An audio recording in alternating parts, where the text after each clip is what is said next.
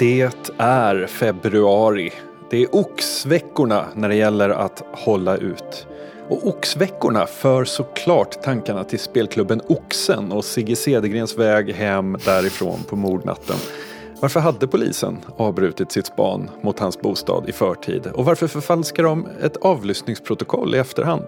Så många frågor, så få svar. Men kanske kan det komma någon form av svar om livet under den kommande timmen när vi tar oss an midvintern med Oddpod avsnitt 327 med mig, Bill Rimgard och min kollega Tobias Nordström.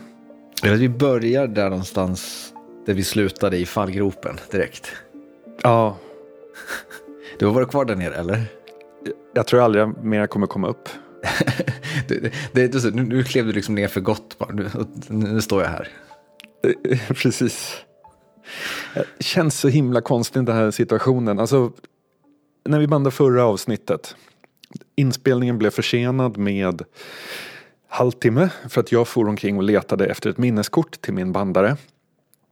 Eh, och grejen med den bandaren är att det har varit en stridsvagn, en trogen arbetshäst i ljudets tjänst. Eh, med den lilla, lilla konstiga grejen att den inte accepterar minneskort större än 2 gigabyte. Eh, det är inte den nyaste bandaren, men det har varit en, en eh, det är en bandare som inte har inneburit några som helst problem, förutom då när man inte hittar sitt 2 gigs kort. Det är en, en Marantz, eller hur? Ja, en Marantz PMD någonting. De är, du, du ser att det är en tank. De, de, av radiojournalister så ses de ju som liksom guldstandarden på något sätt. Alltså, mm. Många produktionsbolag man har varit på så liksom vet man att det finns ett, ett, ett skåp någonstans där det ligger fem, sex stycken sådana där. För att de, de, de kan man bara lägga undan och sen plocka fram dem efter fem år och så funkar de precis lika bra. Jag var ju faktiskt nere på, eh, i, djupt i Sveriges Radios källare så ligger produktionsservice. Eh, där det är folk som eh, är eh, de kan det mesta om det mesta. Och jag var där nere med den och frågade om man kunde få den liksom, finns det någon firmware, finns det någon uppgradering som kan ta liksom minneskort större än 2 gig. Men eh, den äldre modellen gick inte det på. Så konsekvensen var att jag pluggade in min eh, eh mikrofon rakt i eh, ett ljudkort som jag har här vid min arbetsdator. Och, du, du gjorde som alla andra gör helt enkelt. Ja, jag spelar in rakt i datorn. Det känns inte helt bra. Vi har pensionerat Marantsen efter 325 avsnitt. Det finns något sorgligt i det. Du kan ju fixa ett nytt minneskort också. Nej, vet du, det är jättesvårt att få tag på 2 gigabytes. Ah, är det så? Ja, sinnessjukt svårt. Det finns knappt något under 16. Så om det är någon som sitter på 2 gigabytes minneskort eh, och vill bli av med det så kan man skicka det till mig. Jag finns började... på webben. Ja, det finns på webben. Passande att vi började i ljudänden. Jag skulle vilja prata lite ljud. Eh, mm. Följer du eh, händelser vid vatten? Nej. Vet du vad det är? Ja, borde jag följa den? Det tycker jag. Eh, har du läst boken? Nej. Alltså det är ju, det är ju vad heter det, vad ska man, hur fan ska man beskriva? Det är ju inte True Detective, alltså i sexighet. Det är ju liksom, och det, men det är väl det som är också grejen på något sätt, att den lyckas vara ganska svensk på rätt sätt, om du förstår vad jag menar. Mm. Eh, jag tycker den är, jag gillar den ganska mycket. Eh, men det har, ju, det har ju fått väldigt fin kritik, den här serien. Eh, men den har, det har ju gnällts lite grann på ljudmixen. På att man inte hör vad folk säger. Jaha. Eh, och då tänkte, började jag tänka på det, för jag då har en, eh, vad heter det, ettårig eh, bebis hemma. Så att jag, vad heter det, tittar med undertexter för att eh, inte liksom ha, mm, jag kan inte kräma på fullt ljud eh, på kvällarna för då vaknar min, min son. Eh, så istället då så tittar jag med undertexter. Så jag har liksom inte reflekterat så mycket över att det är obegripligt. Eh, men jag kan också fatta, det är, liksom, så det är ju en del händelser, eh, en del scener som är liksom ute i skogen, som är vid liksom forsar och älvar och grejer. Liksom. och då kan jag tänka mig att det, det, visst, viss dialog kanske drunknar om man inte har det på. men, jag har, men samtidigt så har jag tänkt på att det är ju, jag tittar på nästan allt med undertexter nu för tiden. Gör du också det? Väldigt mycket faktiskt. Inte svensk. Det är det, ja, det har nog kanske hänt också. Är det liksom ett, jag minns ju när man eh, hade sina eh, RSS-feeds som drog ner torrents i samma sekund de läckte från den amerikanska tvn kvällen därpå och kunde liksom eh, titta på The Daily Show eller Lost eller eh, vad man nu såg eh, direkt på morgonen. Då hade man ju aldrig några sub subtitles. Men idag tycker jag att jag, det är så mycket som går förlorat om jag inte har det. Mm. Så jag blir lika ledsen varje gång jag laddar hem ett The Curse of Oak Island och det inte har subs. Alltså Nej. engelska då. Eh. du sitter inte på några fan, fan subs på svenska. Nej, men det kanske, kanske där jag borde lägga min fritid och göra sådana. eh, vi är ju inte unika i det här. Om man söker lite på nätet så inser man att vad heter det, det, det är liksom en ny giv eh, de senaste åren med att man tittar med undertexter. Och det här, jag har tänkt lite på det här att det känns som att det har flera olika förklaringar. Dels så tror jag att vi har skolats till undertexterna i mycket större utsträckning tack vare, eller på grund av, det beror lite på, eh, sociala medier. I och med att Eh, sociala medier har ju nästan överallt eh, automatiskt spelande videoklipp. Och eh, de textas ju alltid eftersom att alla som gör sådana här klipp vet att ett klipp då på någon som står och pratar, där du inte vet vad personen pratar om, för de här klippen spelar ju inte ljud. Men ett klipp då på någon som står och pratar kommer ingen klicka på för att höra vad personen säger om det inte, liksom, inte ser intressant ut. Så istället då så får man liksom eh, texta stort så att det syns i sociala medieflödet att här är det text, eller det här säger personen som du tittar på just nu. Och jag tänker att det har hjälpt till att få oss att känna att det här är ganska skönt. Eh, mm. Att liksom så här, kunna, kunna liksom titta eh, på vad personen säger, inte lyssna. Eh, men så jag googlade lite på, på det här också då, och eh, hittade en annan take som jag också tror kan vara ganska talande på något sätt. Och den, den taken var att eh, ljudmix är det enda som har blivit sämre med, eh, i filmmediet de senaste 30 åren. Oj! Eh, och med sämre då i det här fallet så menar man att så här, eh, förr i tiden så la man liksom väldigt mycket möda på att micka på rätt sätt, att liksom eh, göra ljudmix i efterhand, ta om repliker och lägga på nytt ljud om, om det var någonting som hördes dåligt etc. Medan man idag då har ett mer liksom, eh, vad ska man säga, eh, lite, lite rock'n'rolligt sätt att göra film på. Alltså att man, man mickar upp scenen och sen kör man bara. Eh, och det här då menar den här taken går även hand i hand med att man har liksom sett att film eh, har blivit liksom mer skådespeleri på film har ofta blivit mycket mer liksom, eh, naturligt idag än vad det var förr i tiden. Alltså man tänker liksom när filmmediet kom så, så satte, satte liksom en mick i taket som skådespelarna fick mm. artikulera och skrika för att vara säkra på att den här mikrofonen tog upp ljudet. Vilket då födde liksom ett, ett visst staccato hos skådespelare som, som gjorde det tydligt att hänga med i när, när, när man pratade med varandra. Um, men nu då As så liksom... Seen in the noir circle förra året. Exakt.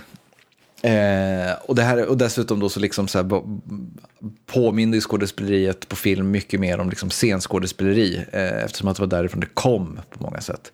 Men mm. idag då så liksom är det mycket mer accepterat och vi har vant oss vid att en karaktär liksom kan prata lite lågmält, sluddra lite grann, att helt enkelt vara som som en, som, som en vanlig person, så som vi pratar med varandra eller, eller inte i, i the really real world så att säga. Och det här har liksom också bidragit då till att man helt enkelt när man tittar på film tycker att det är skönt att ha undertexter för att vara säker på att man hänger med i vad personen säger. Eh, jag tänker bara på något sätt att så här, man vill, jag har haft en bild i huvudet av att så här, undertexter förtar någonting av en upplevelse ibland. För att du då mm.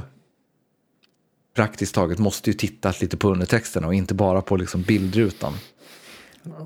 Jag gillar inte när texterna, när det är för långa texter så att man liksom hör vad de ska säga innan de säger det. Så man missar one-liners och sånt. Uh. Du menar om man läser fnissar- vad, de ska säga innan de Exakt, säger det? Ja. exakt. Det tycker jag inte om. Men det här är väldigt intressant. Hänger det, alltså så här, först så tänkte jag så här, förra avsnittet så sjöng vi ljudmixerns eh, lov. Eh, hur, hur skickliga de är. Eh, nu säger vi att den aldrig varit sämre än den är nu.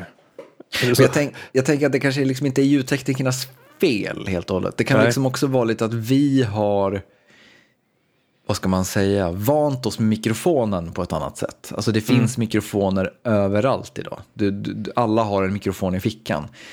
När, på liksom så här 60-talet så hade de flesta aldrig pratat i en mikrofon överhuvudtaget. Just det. Eh, och det liksom medför också att man liksom inte riktigt kanske lägger lika stor kärlek till hur ljudet spelas in. Det, det, en ljudtekniker jag jobbar med, jag låter honom vara anonym, jag vet inte varför, men, men, men han äh, säger att det finns ett, ett ordspråk bland ljudtekniker som är skit in, skit ut. Alltså om, om inspelningen låter piss så kommer det antagligen låta piss även när en ljudtekniker har pillat med det. För att det liksom, och och om det inte går att rädda så går det inte att rädda så att säga. Man kan inte trolla med knäna riktigt. Man, man kanske kan krispa till det lite grann men, men det, det kommer liksom inte, eh, kommer inte kunna rädda någonting som är helt eh, värdelöst. Det finns ett undantag. Det är Bee Gees Staying Alive. Det var någon som hade kommit över de separata spåren till den. Och eh, tydligen så otajt och dåligt inspelat. Men tillsammans så låter det extremt bra. Ehm, men sen tänker jag också att det är en, som med allt annat en, en budgetfråga. De bara, äh, folk ska lyssna på det här på en jävla iPhone-högtalare ombord på ett pendeltåg. Varför ska vi investera pengar i ljud, ljudet liksom? Det är lite så här att journalisten knäpper några foton med sin kamera istället, med, sin mobilkamera istället för att man skickar ut en fotograf med en, som, som kan plåta. Liksom. Jo, men, eh, för- förlåt, men tror du att det, att det är att man sparar in det på ljudinspelningen eller på ljudtekniken? Ljudinspelningen, alltså kan inte lägga tre timmar på att rigga för ljud, skitsamma, det är liksom det är ingen som kommer lyssna på det på det sättet säger man. Nej, men man. precis. Eh, det är väl, och så, eller så tänker man i väldigt stor utsträckning, som- eftersom att man kan göra det mesta i post när det kommer till liksom filmat material, så tänker man att det kan vi väl mixa lite med i post också. Eh, men ja, jag, det, det, för det, jag tänker, när jag läste om, på det här så tänkte jag på ett väldigt tydligt exempel som ju jag, eh, otroligt nördig grej, men som jag ändå grämer mig på något sätt lite grann över. Och det är att vi aldrig kommer få höra originalversionen av Bane i Bat, äh, äh, The Dark Knight Rises, alltså Christopher Nolans tredje Batman-film. För det var ju så här då att äh, från början så liksom spelade man in Banes ljud on set. Alltså han har ju den här masken på sig för munnen eh, och Tom Hardy pratade då trots att den här var på. Och då blev det ju liksom lite sluddrigt och lite så här mm, burkigt, men det var liksom tänkt som att Christopher Nolan tänkte att det kommer bli bra, det kommer liksom bli effektfullt. Och sen då så eh, inför den här filmen så hade de en, ett stort marknadsföringsevent där de då visade upp filmens öppningsscen på IMAX. Det är då den här flygkapningen när Bane och hans mannar eh, ja, tar ett flygplan, snatchar det ur, ur luften och flyger iväg med det. Och då, då pratar ju Bane en del i den här scenen. Och det var då att alla i, den här, i de här biograferna världen över reagerar på att man fattar ingenting av vad Bane säger. Och det är ju då för att det är inte textat. Det är engelskspråkiga länder, så det är ju ingen text på, på, på, det, på någonting. Och alla då konstaterade att man, man fattar ingenting av vad Bane säger. Så istället då så fick de lov att spela in, Tom Hardy fick gå in i studio och spela in alla sina repliker på nytt och lägga på eh, på, det, på, på hans scener helt enkelt. Och det här, nu, nu, nu har jag sabbat den här filmen för jättemånga, för när man vet det här så hör man det hela tiden när man tittar på filmen.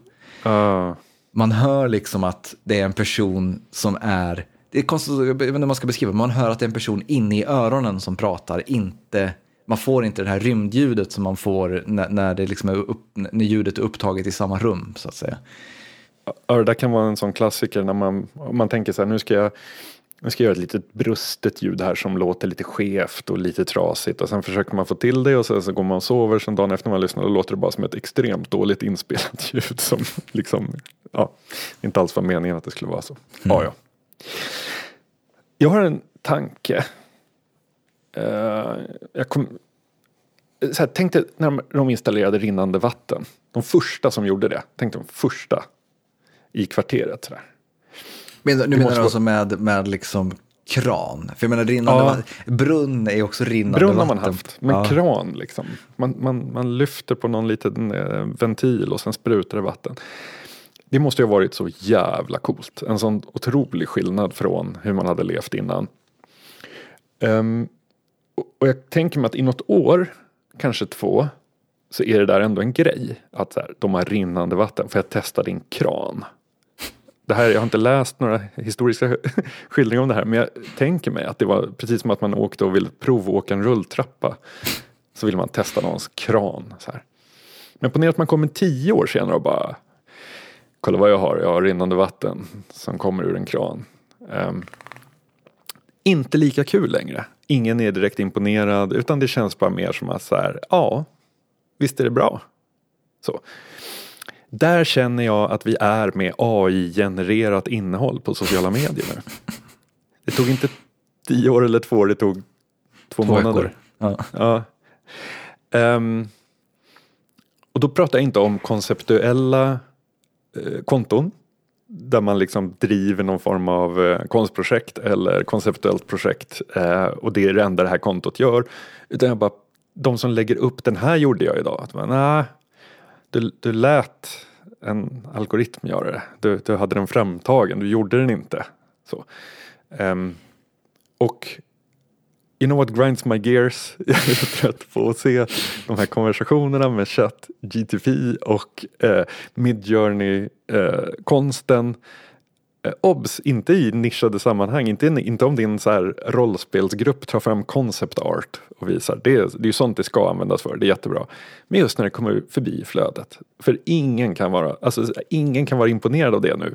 Alla, alla liksom öppna betor är över. Nu, dega pengar så kan vi, vi göra det där. Um, och jag ser fram emot att det kommer då en backlash mot det där. Eller att folk tröttnar med det där eh, och att man ser handgjorda saker igen.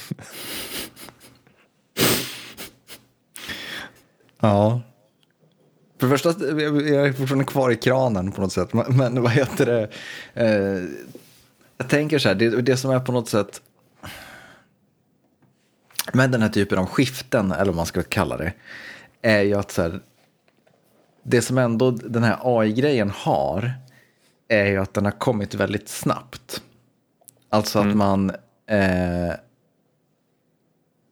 man ser förändringen väldigt tydligt. Och det handlar väl också om att så här, förändringen, eh, alltså så fort, det, så här, det är så enorm skillnad på inga, liksom så här, när man når lite kvalitet och ingen kvalitet på, på den här typen av saker som genereras. Alltså, eh, så, så fort den, en, en AI kan börja spotta ut saker som inte är helt ointressanta så är det liksom det är som att trycka på en on-switch på något sätt. Att helt plötsligt så har det hänt någonting. Och det är det som har hänt nu på något vis.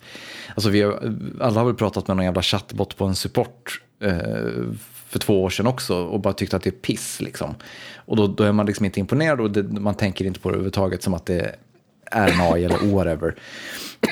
Men så fort då liksom den kan spotta ut någonting som är eh, någorlunda habilt eller intressant så händer någonting i en.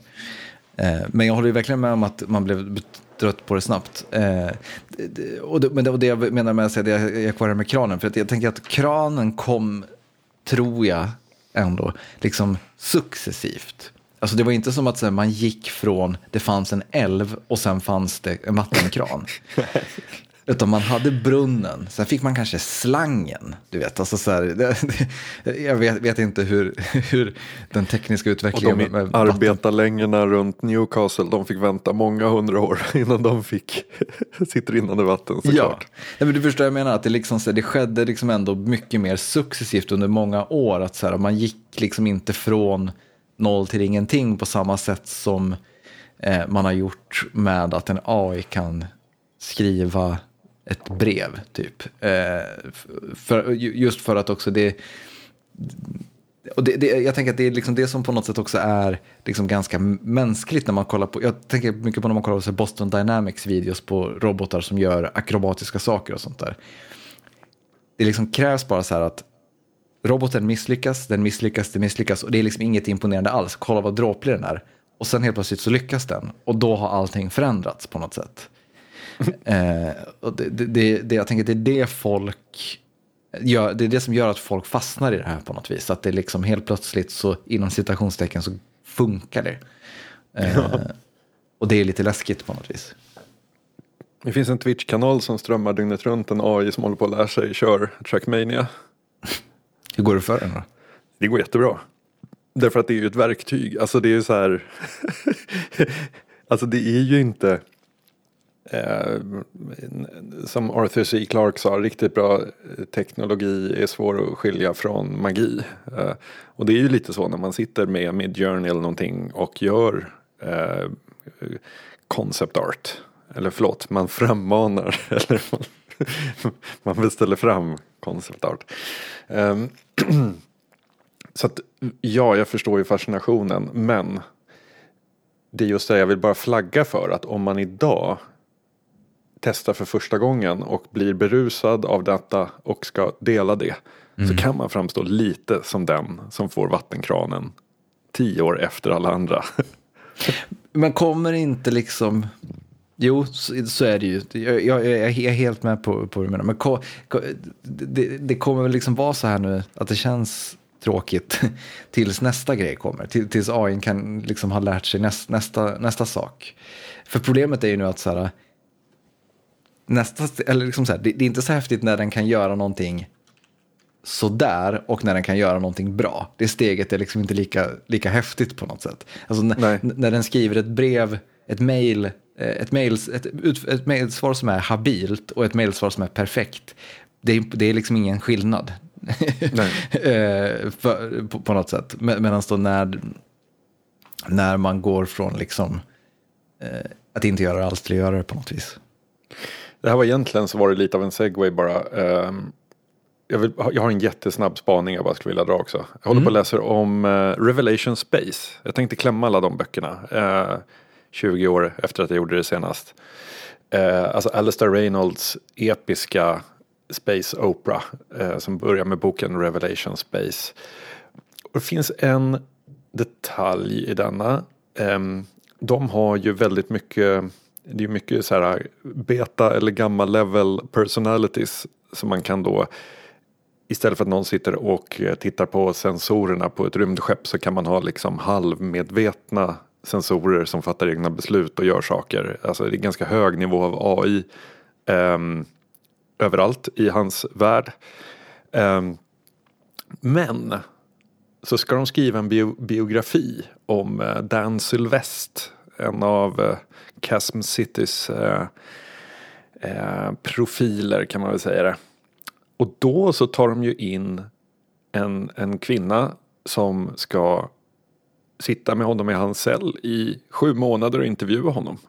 Och sen författa den här eh, biografin. Så att jag tycker det är intressant att då i en, eh, en författare som drömmer upp eh, en värld där AI har en otroligt central plats missar den lilla detaljen på grund av övertro för sitt egna verb att skriva, skriva en biografi. Det måste man ju ha in en skicklig författare och intervjuare. Eh, istället för att liksom, på den nivån AI är så skulle man också kunna tänka sig att AI bara skulle kunna sammanställa den där biografin utifrån eh, olika datakällor. Eh, så. Men tror du, jag, jag, jag, köper att det är kanske en liten överskattning, men, men tror du inte, alltså vi säger nu, vi, vi spolar fram tiden fem år och en, eh, vad heter det, Microsofts AI kan, eller Googles AI, eller vilken som helst, kan skriva, kan liksom skita ur sig ro, eh, tio romaner i minuten. Som är liksom, vad ska man säga, perfekta verk. Eh, med perfekta menar jag inte liksom mästerverk, utan jag menar ja, men, habila, de, de går att läsa, de är liksom, hänger ihop. Det är, ing, det är liksom inte, man ser inte att AI, man skulle inte kunna säga om det är en AI eller, eller om det är en människa som har skrivit dem helt enkelt kommer det ändå inte då vara helt ointressant att läsa de böckerna? Nej, för tänk, tänk så här, Tom Clancy's Death Squad. Volume 75 och så är det liksom i små, väldigt små bokstäver så står det ett annat namn. Det är den personen som har skrivit den. Den bara utspelar sig i Tom Clancys universum. Tom Clancy hade i bästa fall skrivit ett halvt A4-synopsis. Jag menar, där, där har du ju en produktion som är enorm av spännings och genrelitteratur. Um, som, alltså så här, tänk så här westerns. Vilka andra förutom Johan Wanlo liksom bryr sig om vem som har skrivit den? Man vill ju väl bara ha en god western, eller? Jag tror inte det. Alltså jag, jag tror, i och med så här, du får tänka liksom att så här, i det här, i det här scenariot då så har du ju liksom då, eh, i, och med att, i och med att den här AI kan skita ur sig tio böcker i minuten, så har ju, eh, dygnet runt, så, så liksom så har du ju ja, liksom flera miljoner böcker från den som du kan välja mellan. Men, ja. sen, men sen har du liksom en bok som en människa har suttit och skrivit. Eh, oavsett om du liksom bryr dig om vem den människan är eller inte. Så tänker jag att vi, det, alltså, jag menar inte att begränsningen är hos AI, att den inte klarar av att göra det vi gör, utan begränsningen är hos oss. att vi liksom så här, kommer vara mer intresserade av det här som den här människan har gjort. Eh, bara för att, så här, om så bara för att det går att marknadsföra det på något sätt. AI kan du marknadsföra en gång. Eh, sen, sen har liksom den spelat ut sin roll på något vis. Ja, vi får se. Jag tror, jag tror inte det. Jag tror att man kan liksom, jag bara tänker på mig själv som under förra året läste upp mot tio stycken, eh, ja, fler än så faktiskt, dussintal lite mer eh, böcker i Alien-universumet. Eh, kommer inte ihåg vad någon författare. nej, nej det, författare det, gör du inte såklart. Men, men, om du liksom nästa år skulle ha att det finns 16 miljoner böcker i Alien-universumet. då skulle inte det vara lika intressant ju. Nej, nej, för all del. Men jag menar, man kan väl släppa tre sådana och inte behöva betala en penny till någon författare. Ändå ha liksom en rullande produktion. Jo, absolut. Eh, absolut, jag, jag, hör det, men jag, jag, jag, jag, och lite som du var inne på med att man kommer vilja ha det handgjorda. Det kommer liksom... Och det jag tänker det, det som är intressant i relation till Revelation Space är att jag, jag tror att han kanske, liksom, Elsa Reynolds kanske prickar rätt i att så här, sensorer och sånt handlar om matematik. Det bryr vi oss inte om om en AI gör. Men om det liksom är en berättelse eller är någonting som ska förmedla oss som människor på något vis, då är vi helt plötsligt lite mer, inte alltid, men ibland, lite mer mån om att så här, det finns någonting som är vi människor i det på något vis. Ja, kanske. Jag skulle bara vilja höja ett varningens finger att det inom kort kommer komma någon sån här eh, LT Leroy, eller vad heter han? Hette han så? Mm, just jag vet vad du far efter. Um, fan hette han var trucker, hora och uh, det fanns värsta backstoryn till J, JT Leroy, hette han så? Ninja Fröken Ninja går Ja, JT Leroy stämmer. Uh, stor uh, sån it-författare på 00-talet och alla bara det är otroligt att han, att han ens kan läsa. Han levde ju på, på sidan av motorvägen och bla bla bla. Och sen visade det sig att så var det inte riktigt. Det var ju liksom en uppdrömd karaktär och det fanns en författare bakom eh, så som hade det här som sitt alter ego. Um, och så vidare. Men jag bara flaggar för att nästa gång det kommer någon hemlig, alltså så här, nästa burial. Mm. Och, eller nästa hemliga författare som skriver uh, otherworldly stuff. Sådär. Uh, då får man nog vara lite källkritisk för jag tror att vi vilket år som helst ser den här första stora breda lanseringen av en hemlig uh, upphovsperson som senare visar sig vara en AI. Tror du att den finns redan? Bo uh. Baldersson.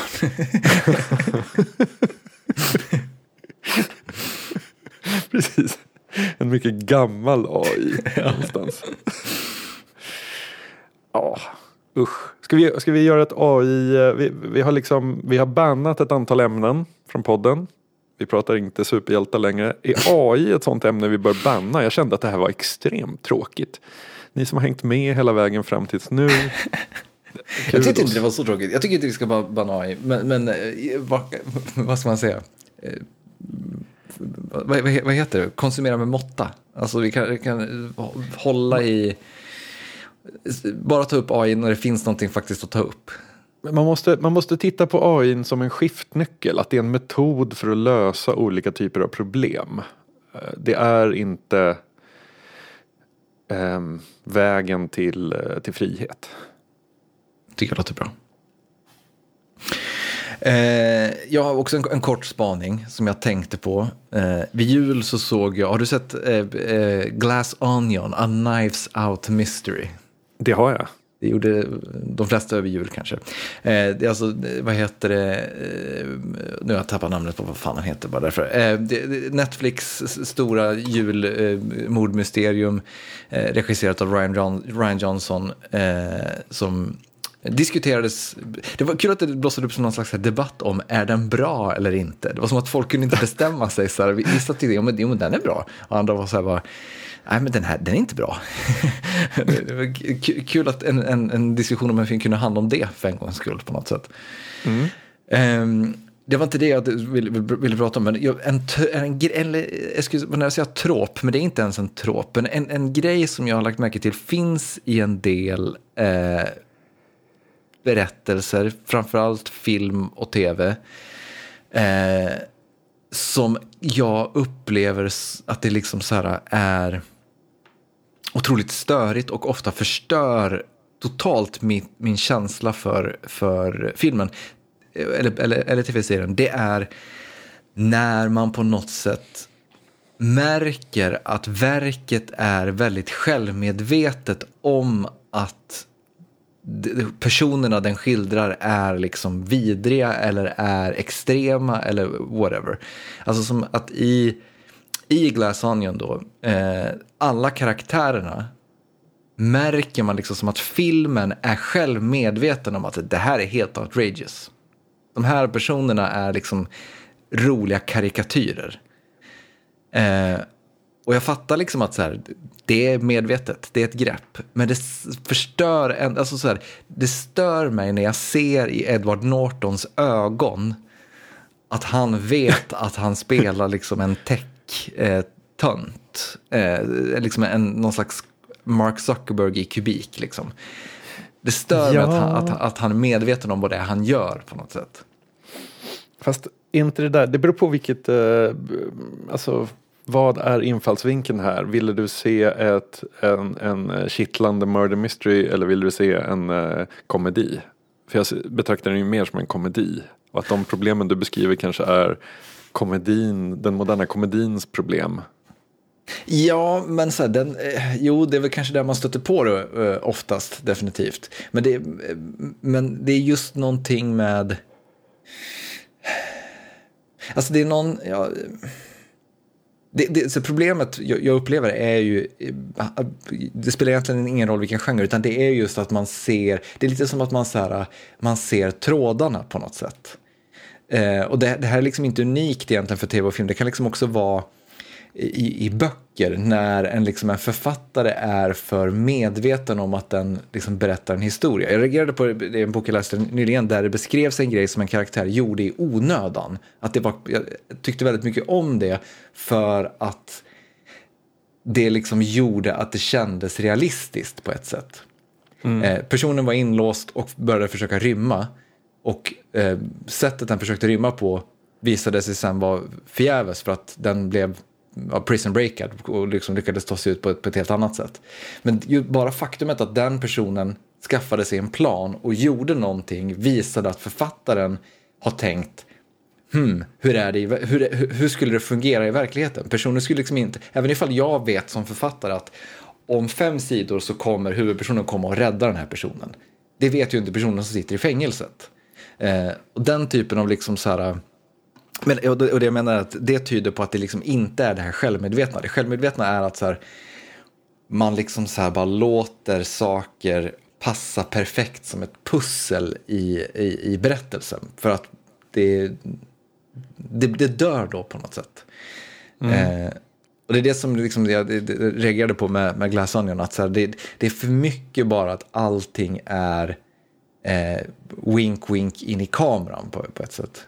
Just det. Det var väldigt intressant. In, uh, under mitt julstök um, så hade jag som ljudbok i mina hörlurar eh, Hercule Poirots Christmas av Agatha Christie. Mysigt. Från, från 1938. Otrolig bok. Eh, jättespännande. Men den gjorde det här självrefererande också. Att den ifrågasatte hela premissen för mordet som har skett. Och sa liksom this is like a locked room mystery out of a detective novel. Typ. Att den, den så här, att, att folk, alltså så här, när, när de pratar om det som har skett, bara, men det kan inte ha gått till så, det är för klyschigt. Typ. Och sen visar det sig att det var ju så, eh, liksom, det är ju så det har gått till. Eh, jag tyckte det var en väldigt speciell grej i och med att den ändå är från, från 1938. Eh, mm det, det, är en sak om så Tarantino gör det, mitten av 90-talet. Jag vet inte om han gjorde det, men, men alltså just det här att man bara, okej, okay, jag är så djupt inne i någon slags klichévärld nu att jag måste faktiskt förhålla mig till det på något sätt. Eh, men det var väldigt spännande att redan då så kände man att här har jag ändå målat in mig i ett hörn, hur ska jag ta mig ut? Att, jo, genom att jag bara förhåller mig till att jag är i hörnet. Men Tarantino är ett lysande exempel. Jag tänker liksom som så här, uh, Inglourious Basterds exempelvis. Den filmen hade liksom lika gärna kunnat vara att alla i filmen vet vad de gör. Alltså att så här, uh, Christoph Waltz eh, judejagande eh, SS-officer liksom är, gottar sig i hur ond han är. Eh, liksom, och, och, är liksom medveten om att här, det här är ett spel. Eller liksom att så här, hela premissen är bisarr med att de, de liksom dödar Hitler och så vidare. Eh, för, för, och, men så är det ju inte. När du tittar på Inglourious Basterds så tänk, liksom lyckas ju filmen förmedla ändå så Christoph Waltz skådespeleri gör att du tänker att han är SS-officer och mm. beter sig så här. Eh, och det liksom vinner man så mycket mer på än att man liksom låter publiken vara med. Eh, liksom så här, publiken får komma liksom bakom kassan på något sätt, eller om man ska säga bakom disken. Mm. Det är lustigt att du säger, säger, säger, det för att jag, eh, om du hade frågat mig för en vecka sedan om Reservoir Dogs var en karikatyr eller inte, då hade jag sagt ja, den är säkert jättepajig nu. Men som av en händelse, så, eh, eller av en tillfällighet så såg jag om den här i helgen. Um, och jag måste säga att jag blev förvånad över hur väl den ändå hade åldrats. Jag trodde att det skulle vara nästan som, alltså lite skämmigt, du vet att Tarantino kommer ut med sin eh, debutfilm och ska spela ut alla korten kring tugget, monologerna, blodet och så mm. vidare. Men faktum är att den, jag tyckte den höll jättehög kvalitet och jag blev på riktigt förvånad över hur, hur välspelad den är och hur, liksom, hur det sitter på något vis. Uh, det är också den, den har ju ett typexempel på just det med att så här, karaktärer gör saker som inte har så stor betydelse för behandlingen. Men jag tänker på med Tim Roths karaktär som liksom tränar på den här anekdoten för att han ska vara undercover. är ju liksom ett supersnyggt sätt att illustrera hur han tränar på att vara undercover. Men det är också liksom så här, inte för att det är i onödan, det, det, det spelar ju in i filmen, men, men, men det, det, är liksom ett sätt att gör, förankrar det i en verklighet istället för i någonting som bara passar perfekt in i narrativet så att säga. Som är liksom ja. dramaturgiskt perfekt. Eh, ja, det vet jag inte. Det, det här var en, en halv, halvbakad spaning. Men, men eh, jag bara, jag bara, du, fick, du fick ha en What Grinds Your Gears så fick det här vara What Grinds My Gears. Ja. Får jag stresstesta en, en grej på dig? Mm. Jag, jag, bara bollar idén här. Uh, den kanske är crazy. Men du får, du får, uh, du får vara ärlig. Um, så här är det, jag satt och funderade på vad jag vill uppnå det här året och så tänkte jag så här, fan Frönnäs, jag har jag har uh, låtar till ett album som jag tror kommer uh, jag hade inte lyssnat på dem väldigt länge, lyssnade igenom dem och upptäckte att fan det här var inte så dumt. Det här borde man göra klart. Men vad jag blev jättesugen på var att spela live med Fränäs. Och då är det ju tyvärr så att sån här eh, brusig ambient musik och sånt det är ju inte så jävla kul att se live. Alltså det, det, det, även vi som gillar ambient kanske inte tycker det är eh, superbra alltid live. Eh, och, och dels måste man då hitta något, något ställe där det här passar in, där man är välkommen och så vidare. Det kanske går att ordna, någon kyrka någonstans eller någon liten musikförening eller något. Eh, har, har du förslag så kan, kan du mejla till billy.oddpod.se. Men så fick jag en idé. Du vet så här på opera, folk går på opera har inte en jävla aning om vad det handlar om men så får de ett litet program som de kan liksom sitta och hänga med i. Um, är det pretto eller lite kul om man skulle liksom antingen leja någon att skriva en handling eller få ihop någonting själv som ges ut i någon liten pamflettliknande program som man får med sig när man kommer in och som man sen kan sitta och läsa med i. Medans... Det var, jag tror en, sak, en kort sekund så for min fantasi iväg att du skulle göra, låta en AI göra det här. Det skulle det kunna vara. nej, nej för fan. det, det, det kommer ju alla göra det här året. Fast jag säger ju inte, jag säger ju inte att det är det då givetvis. Nej, jag, det var en plant, min tidigare varning. Ja. Nej, nej jag vet inte. Uh, är det att ta ifrån uh, åhöraren det fria valet att associera och bygga bilder för sitt inre? Om man Men jag tänker så här, skriver. jag gillar jättemycket idén med att liksom ha en, pamfl- liksom en, liten, en liten bouclé eller någonting som man hänger med i under eh, konsertens gång. Det tycker jag är en kanonidé. Däremot är jag inte helt såld på liksom idén med att det är en, en berättelse. Mm. Utan så här, för, eh, om man tänker liksom, i en opera, då är det ju för att operan har ju en faktisk handling. Alltså även ifall inte vi fattar italienska så har ju Puccini skrivit liksom, dialog. De, de, de sjunger ju saker som har mm. implikation på en handling så att säga. Um, och det jag tänker är så att i ditt fall blir det liksom en efterhandskonstruktion då eh, med att du hittar på en berättelse runt hur det låter. Eh, det är intressantare om du liksom har någon slags beskrivning av verken. Alltså hur de är uppbyggda, vad du, hur du, vad du gjorde, vad du tänkte. Alltså förstår du vad jag menar? Så man liksom kan följa med i ett flöde eh, medan man sitter där och liksom så här, ha, få en insikt i vad det är man lyssnar på. Mm. Mm. Det gillar Fast då inte är man, ja, men då är man på ett sätt tillbaka i ett annat av ambientens stora problem. Nämligen att så här, man läser pressreleasen till ett album och så är det så här med specialbyggda vetenskapsmikrofoner lyckades de spela in ljudet av en humla som landar på ett rhododendronblad. Och man bara, det här låter spännande. Sätter man på skivan så är det bara så här, liksom, Och det är det blir aldrig så spännande att lyssna på som det är att se tanken bakom. Eh, jag tänkte nog snarare någon form av fri association. Ja, men jag tänker att tanken bakom är intressant, men problemet är att det tekniska utförandet är ju inte så intressant. Alltså, att de har använt en mikrofon för att fånga någonting är ju liksom helt värdelöst att veta. Men om du istället har en idé bakom den där jävla humlan, alltså varför är det intressant? Just vad är det liksom det fångar? Vad, vad, vad är liksom... Och det, kan ju, det, det, i sig kan ju vara någonting påhittat om du liksom inte har eh, någonting du var ute efter när du spelade in de här sakerna eller liksom hade en idé eller en tanke.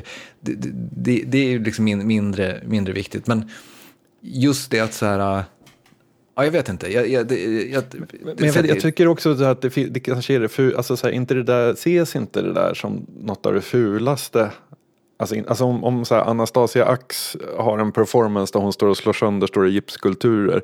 Det är inte så att hon berättar för någon innan vad det ska symbolisera. Utan där ska man ju bara stå och ta in förödelsen och bilda sig i sin egen känsla. Liksom. Ja, men det är det jag tänker, där kan du bryta ny mark. Du istället för, du, du, är liksom konstnären som förklarar exakt vad saker är symbolik för. Det, Just Publikens tolkning är helt oväsentlig.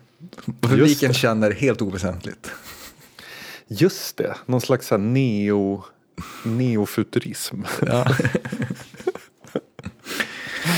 Ja, vi får se vad det blir. Men, men, eh, det är också en väldigt korrekt spaning med att ambient-konserter ofta är väldigt tråkiga. Och att eh, var man är, eller som kontexten är allt.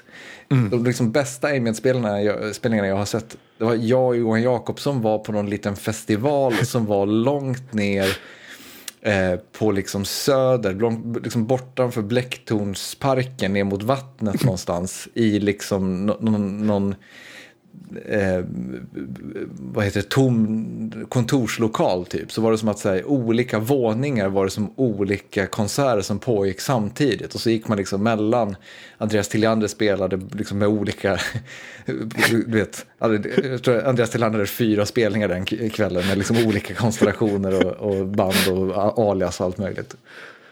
Eh, det var liksom fantastiskt, men då är det ju så mycket liksom, ja, kontexten som gör att det är liksom precis rätt, rätt mm. grej med att man kliver in i ett, i ett kontorslandskap och kan sätta sig på golvet två meter framför någon som pillar på en laptop. Liksom. Just det. Um, vi har nått fram till veckans introcirkel. Där vi till idag spelade introt på Disco Elysium, ett spel, ett rollspel, ett äventyrsspel. Uh, och vi tittade, eller spelade, uh, på introt till Bioshock, också ett datorspel. Jag vill, prata, jag vill höra mycket om dina erfarenheter av Disco Elysium, så jag tycker vi börjar med Bioshock så vi bara får, får den ur vägen. Ja. Uh, jag har ju spelat igenom det här spelet ett, ett flertal gånger det var länge sedan sist, men, men, men eh, du, som, jag, du hade inte sett det här introt förut, eller? Eh, faktum är att jag, jag känner igen det och jag, jag har ett vagt minne av att detta skedde. Eh, jag hade lagt ett par hundra timmar i Fallout 3, kanske Fallout New Vegas. Eh, minns inte exakt var, var i tiden vi befinner oss eh, var så deppig över att det hade tagit slut. Någon, kanske du, säger ja men då är det väl Bioshock som du borde ta dig an härnäst. Och jag kommer ihåg att jag blev så här, om man kommer, om man har liksom, du förstår, om man har varit helt nerskärad i, i Fallout eh, och den världen och så kommer man hit så blev det liksom lite av, det var too soon, jag kunde inte. Jag har för mig att jag liksom kom ner. Eh, det är ju ett väldigt snyggt intro. Eh, börjar på ett flygplan som kraschar i vattnet. Ehm, eh, personen som vi är point of view på simmar, lyckas ta sig till ytan och simmar hamnar i någon slags konstig fyr eller ett konstigt torn ute i vattnet. Tar där, sätter sig i någon slags kapsel som liksom sänks ner långt under jorden, eller under jorden, under havsytan där han kommer till någon slags undervattensstad som också någon rik eh, miljardär verkar stå bakom av introfilmen han får i kapseln att döma.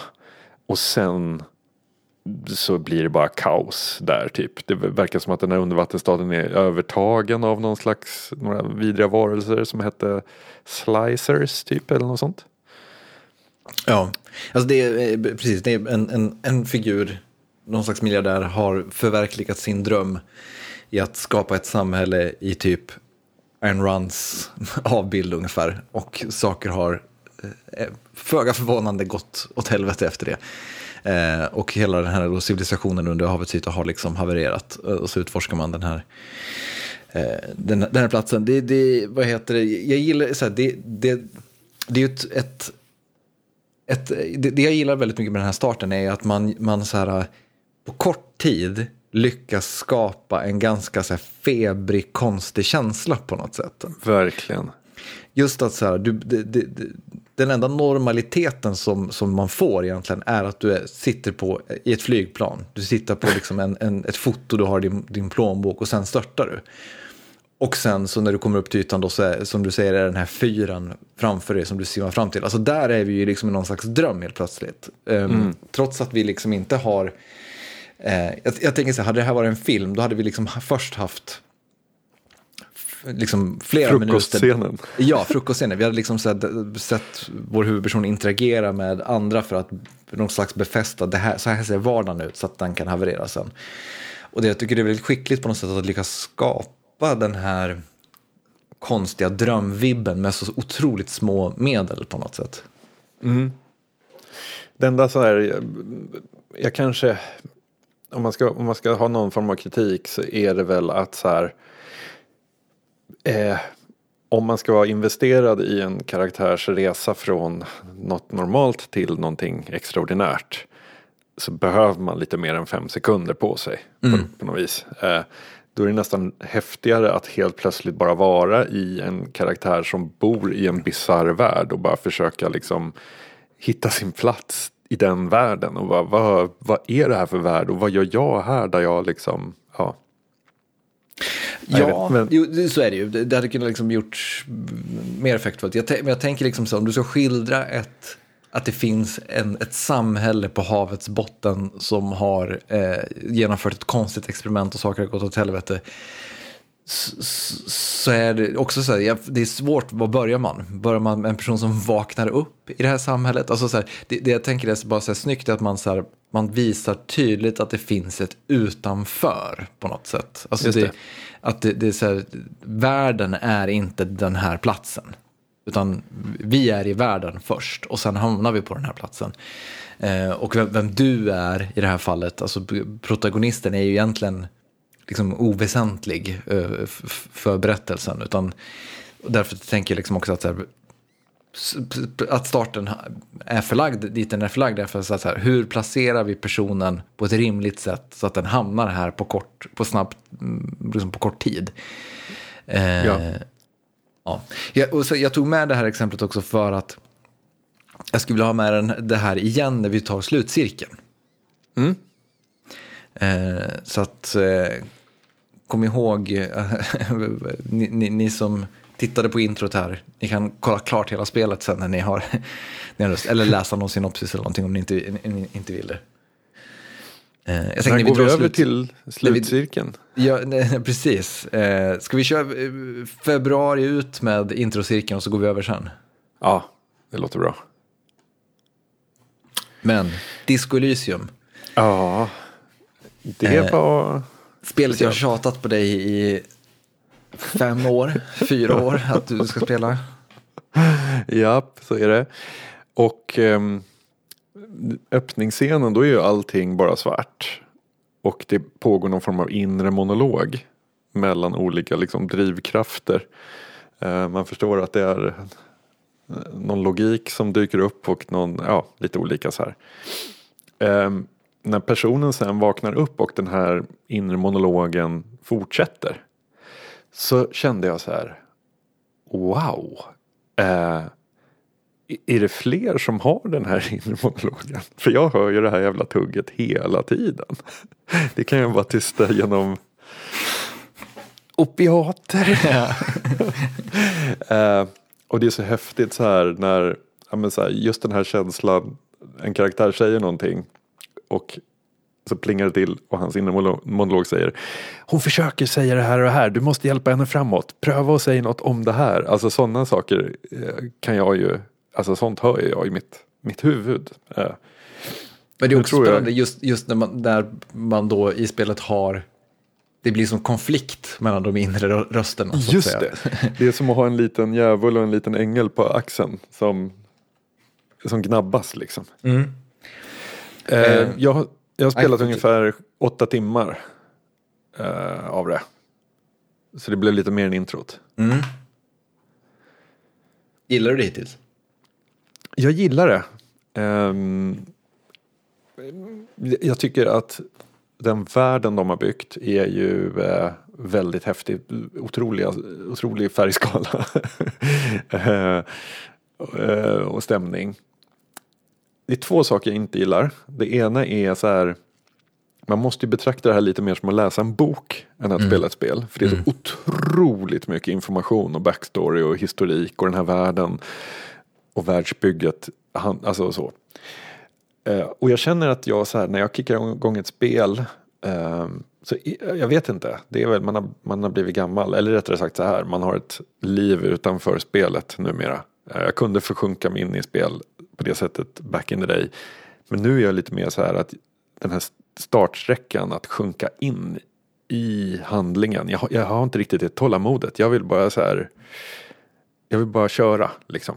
Eh, tänker att det är därför som så här, Trackmania funkar så jävla bra. För att man behöver bara värma upp några minuter sen så kan man liksom köra en kvart, 20. Om det är det man har. Ja. Eh, den andra kritiken jag har det är att den här personen vaknar upp på ett hotellrum utan minne av vad som har hänt. Det framkommer att så här, han verkar ha gått en jävla bärsärkagång på det här hotellet. För det är liksom baren är sönderslagen, hotellrummet är sönderslaget, han saknar skor, han, är, han minns inget av de senaste tre dagarna och sånt. Men jag har en förhoppning om att det är något, för alla säger bara att han har problem med, med, med spriten och att liksom så. Men jag har ändå någon slags förhoppning här om att det är en del i storyn på ett sätt som handlar om något annat än att oj, det blev lite blött igår. Uh, så. Mm. Jag kommer det... definitivt spela vidare. Ja, men det, det tycker du, du ska göra. Det här är ett typiskt sånt spel så här. Um, jag upplevde en otrolig stress när jag spelade det här spelet första gången. Just för att här, spelet ganska snabbt introducerar ett gäng problem till dig. Liksom. Alltså, du, du, vad heter det? Du inser att det är en mordutredning som pågår som du har fuckat upp för att du inte kommer ihåg någonting. Eh, du behöver betala din hotellnota. Alltså du får massa helt enkelt problem som du ska lösa.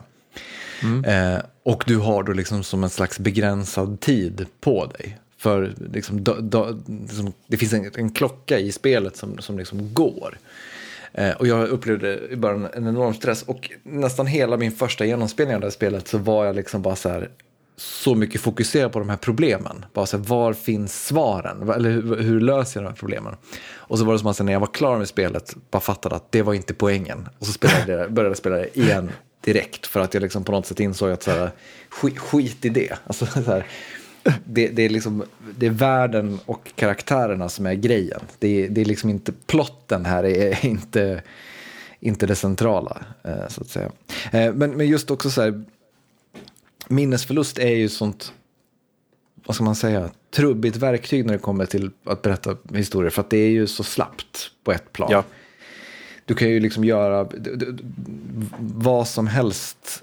Alltså så här, det, det, värsta typen är ju, eh, vad, heter, vad fan heter den nu? Kvinnan på tåget eller vad fan den heter. Den här romanen som kom för några år sedan som, som handlar om ett, ett mord.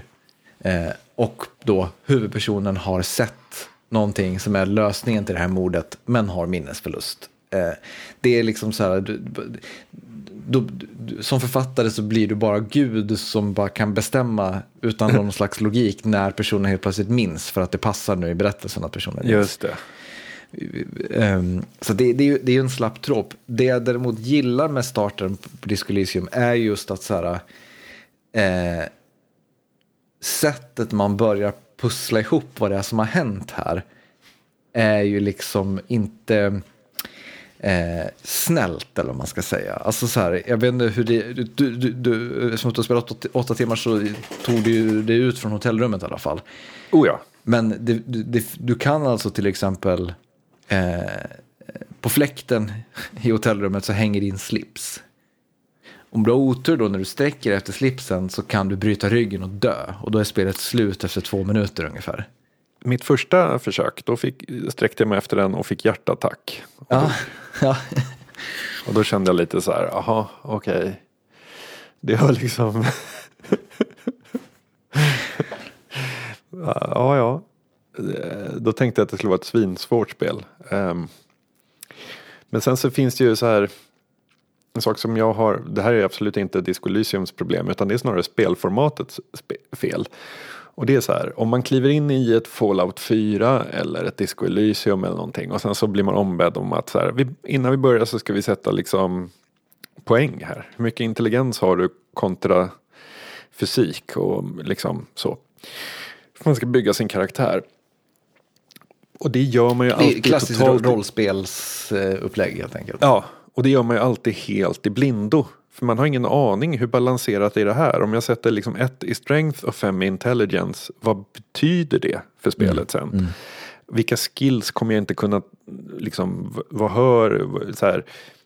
Ja, men jag vet att jag har målat in mig ett hörn där jag inte har någon form av sån här eh, eh operate machinery typ. Så att alla former av liksom sånt, eh, oavsett om det är en, en liten skruvmejsel eller om det är en stor kran, allt sånt bara misslyckas för att jag har inget på det.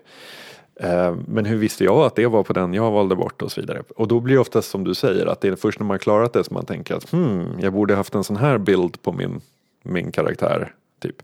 Nu är jag en sån som ofta gillar när det är Fallout och sånt så går jag alltid på så här hög karisma, bra på att ljuga och övertala och liksom vara munläder snarare än att bygga någon biffig fighter. Så jag har gjort exakt samma sak här. Eh, bara på ren instinkt. Eh, och det verkar funka ganska bra.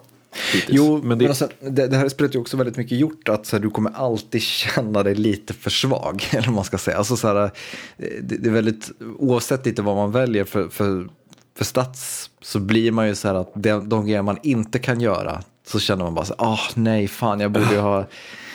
Och så vidare. Um, Just det. För, för, att det är liksom, man ser ju hindren, man, de grejerna man liksom klarar av för att man har valt sina färdigheter, de tänker man ju är liksom bara, ja, bra. Det var, tänkt, det. det. var tänkt att det skulle vara så här. Ja. Eh. Men eh, jag tyckte den, eh, det, det jag osökt kom att tänka på ett gammalt äventyrsspel eh, som heter Future Wars. Ehm, jag spelar det mycket.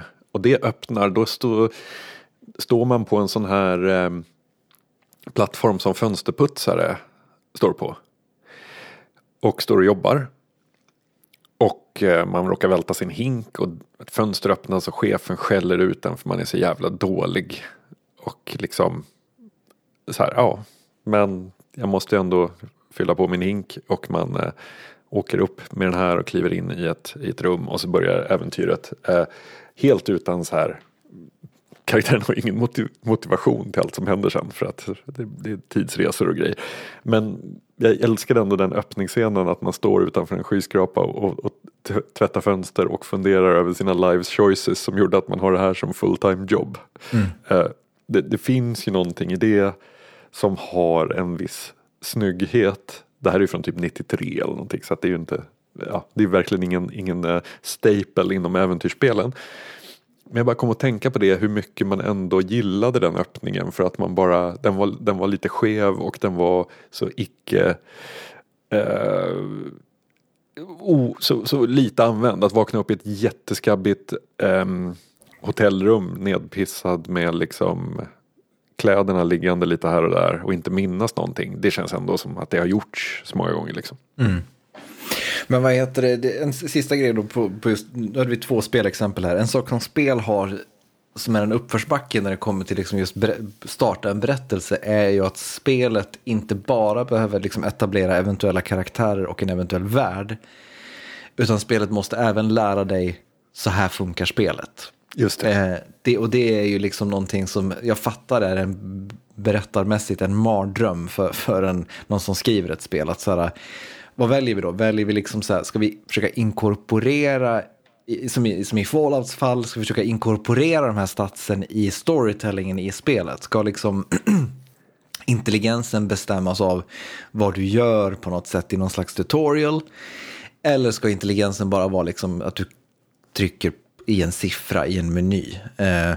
Samma sak är liksom som i början på Bioshock, när du får ett gäng liksom färdigheter. Då måste liksom spelet berätta för dig att så här, om du trycker på den knappen, då händer det. Och du trycker på den andra knappen, så händer det.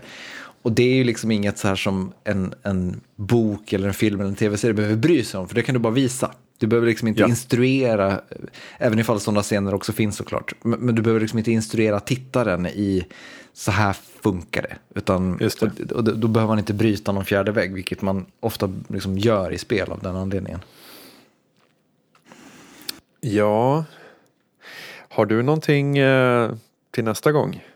Ja, men jag tänker vi kan göra en liten, en liten genre-exkursion eh, till nästa gång och köra två stycken skräckfilmer och kolla lite hur man börjar en, en skräckis. Eh, det är väl, dels en film som känns liksom en Oddpod-klassiker. Eh, en från Oddpods kanon, nämligen John Carpenters The Thing. Usch. Mm. Eh, och sen så tänker jag en lite mer modern höll jag på att säga, men nu, den här filmen har väl 30 år på nacken snart. Eh, eh, Scream, eh, Wes Cravens Scream, eh, första Scream-filmen alltså. Eh, tänkte också vi ska se på öppnings, öppningsscenen eh, till. Kul, den har inte jag sett. Du behöver inte se hela filmen, jag vet att du är ju lite räddhare när det kommer till skräckisar. Ja, fast The Thing kommer jag nog se hela. Se Scream sedan. också, den är ganska härlig. Ja. Okej. Okay. Det blir toppen bra. så är vi tillbaka igen om två veckor med detta. Ehm, tack till dig som stödjer oss på Patreon. Om man vill supporta podden så kan man gå in på patreon.com slash oddpod. Eh, ja, det var detta för idag. Ha det fint så hörs vi om två veckor. Det gör vi. Ha det bra. Hej då.